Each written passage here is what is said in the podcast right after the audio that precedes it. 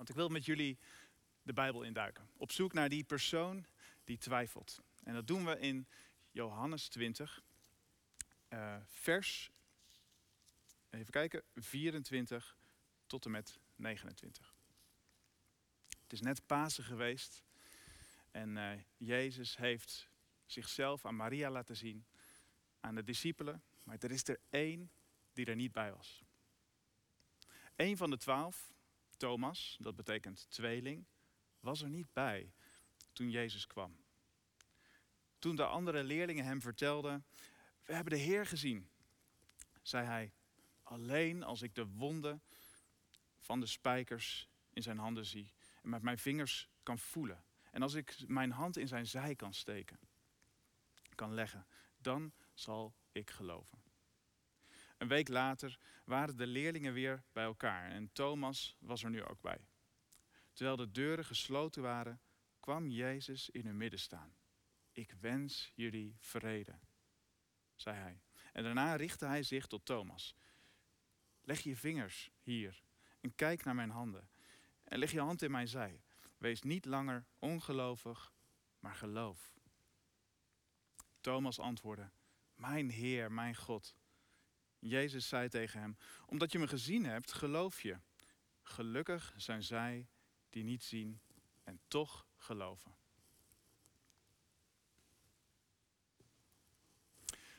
Twijfel is toch eigenlijk een beetje een gek thema om hier in de kerk met elkaar over te hebben. We hebben het toch uh, hier vaak over waar we in geloven. Over de God die we willen dienen. En ook waar we naartoe willen met elkaar. Wat voor zin heeft het dan om het over twijfel te hebben?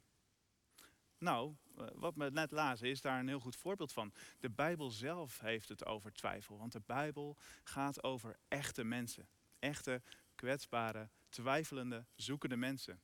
Zoals ik en zoals jij. En daarom is het goed om het over twijfel te hebben. Zoals ik al zei, het is net Pasen geweest en Jezus is verschenen aan Maria en aan de discipelen. Maar Thomas was daar niet bij, bij die eerste ontmoeting. Waar was Thomas? Misschien was hij wel zijn zaakje weer aan het opstarten. Omdat hij dacht van ja, dat gedoe met Jezus, uh, ik denk dat het een aflopende zaak is. Ik ga maar weer mijn gewone leven oppakken. Of misschien was hij bang en uh, hield hij zich een beetje afzijdig. Of misschien uh, was, was zijn contact met de groep al aan het verwateren. We weten het niet. Hoe zij, hij was er niet bij. En zelfs toen al die discipelen Jezus gezien hadden en hem ervan over, probeerden te overtuigen, wij hebben de Heer gezien. Zelfs toen hield hij nou ja, voet bij stuk en zei, ik wil zelf Jezus zien. Ik geloof niet totdat ik zelf heb gezien dat hij weer leeft. Hij moet best wel overtuigd zijn geweest van dat hij dat zelf wilde zien.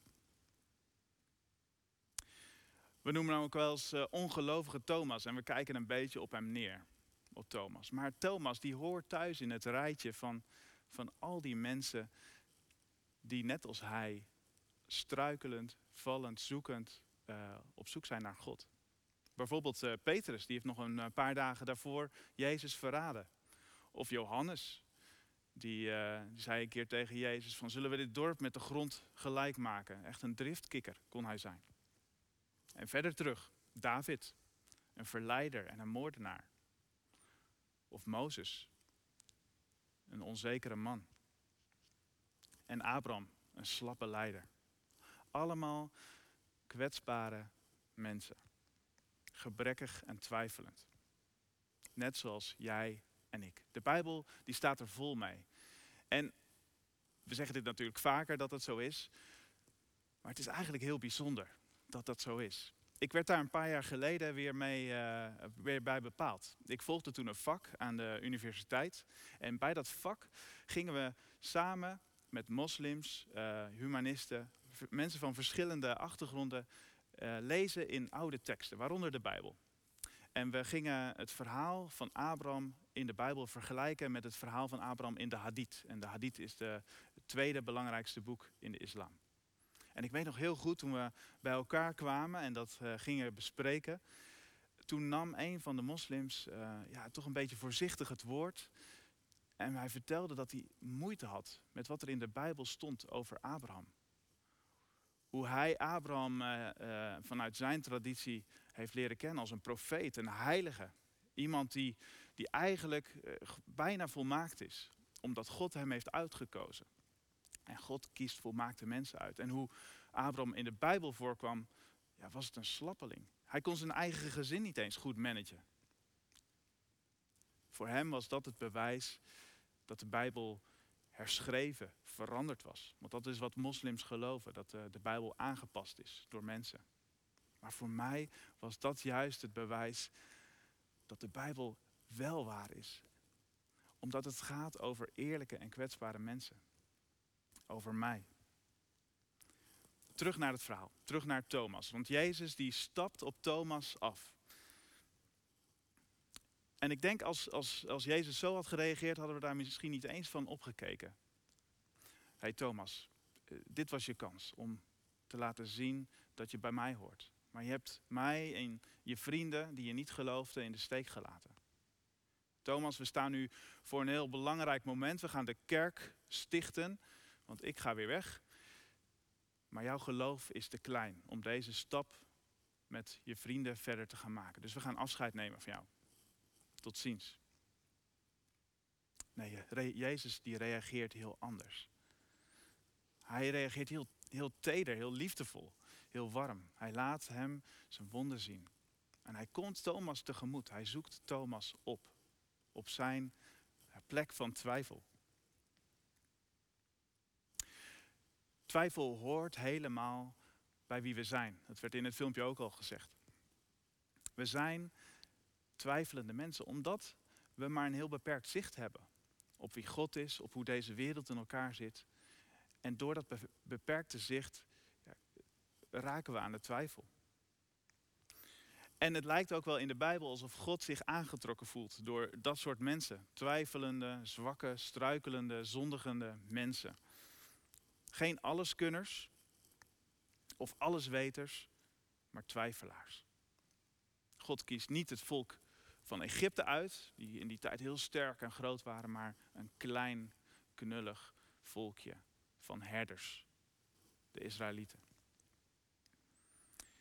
Misschien moeten we zelfs soms eens wat meer twijfelen. Dus misschien klinkt misschien gek, maar eh, ik bedoel dit. We moeten soms wat meer twijfelen ook aan onszelf. En aan onze overtuiging wie God is. Soms denk je van ik kan het allemaal wel. Of ik heb God in mijn broekzak zitten. Ik begrijp hem. Maar zo gauw je dat idee hebt, dan sta je niet meer open voor wie God werkelijk is. En ik denk ook dat God ons soms in posities, in plekken brengt of in fases van ons leven waarin de twijfel groter wordt. Denk aan Mozes.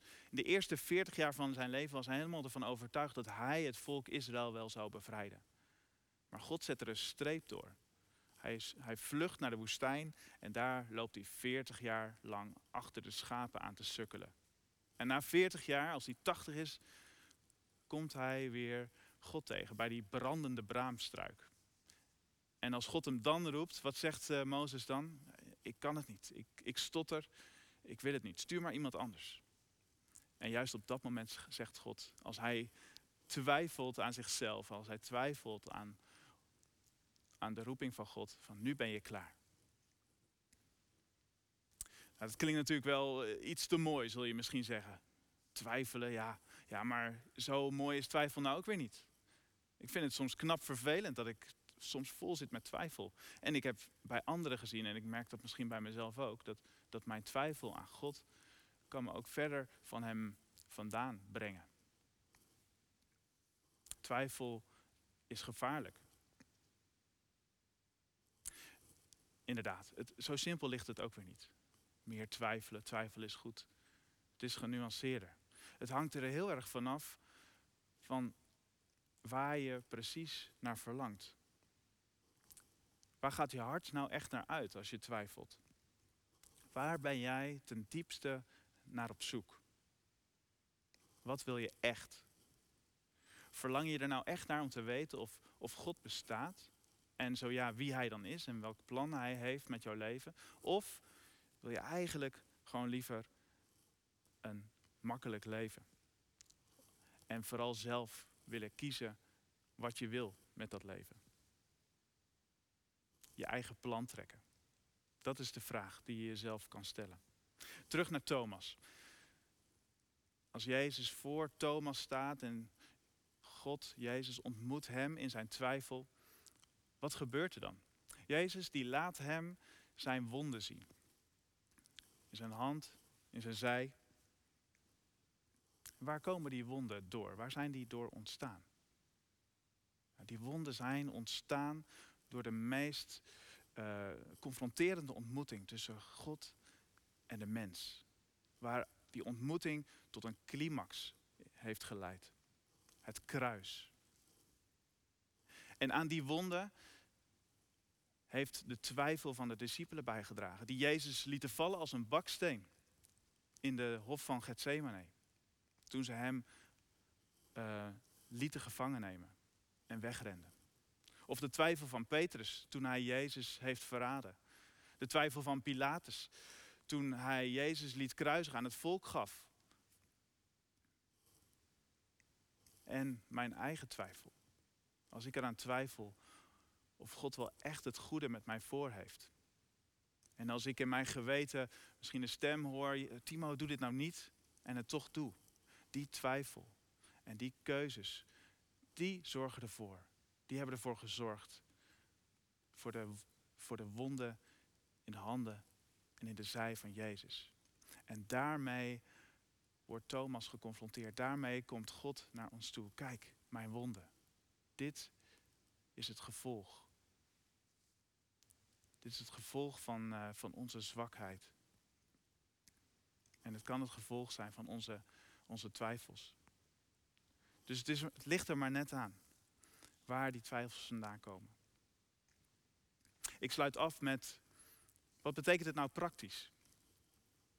In het filmpje werden er al hele mooie dingen gezegd en daar, daar wil ik nog even een streep onder zetten. Het eerste wat je kan doen als je twijfelt, is jezelf die vraag stellen, waar komt het vandaan? Wat verlang ik nou precies? Welke vragen stel ik mezelf nou? Want ik denk dat twijfels die, die wijzen op bepaalde vragen die je hebt. En vragen die wijzen op bepaalde verlangens die je hebt. En ten diepste denk ik dat elk verlangen wat je hebt, elk goed verlangen, wijst naar God zelf. Dus ga bij jezelf na. Wat verlang ik ten diepste? En wees eerlijk. Twee, het werd ook al gezegd door bijna iedereen, deel het met anderen. Je twijfels delen. Wist je trouwens dat uh, er zijn twee verhalen in, uh, in de evangeliën, in de verhalen over Jezus. Twee verhalen waar Jezus alleen is. En geen discipelen. Dus er was niemand die, die dit heeft meegemaakt en daardoor kon opschrijven of verder vertellen. Dus dit zijn twee verhalen die Jezus heeft verteld aan zijn discipelen. Misschien wel in die periode tussen Pasen en Hemelvaart, voordat hij ging. En die twee verhalen zijn de verzoeking van Jezus in de woestijn en het bidden in de hof van Gethsemane, waar Jezus eh, bloed zweette.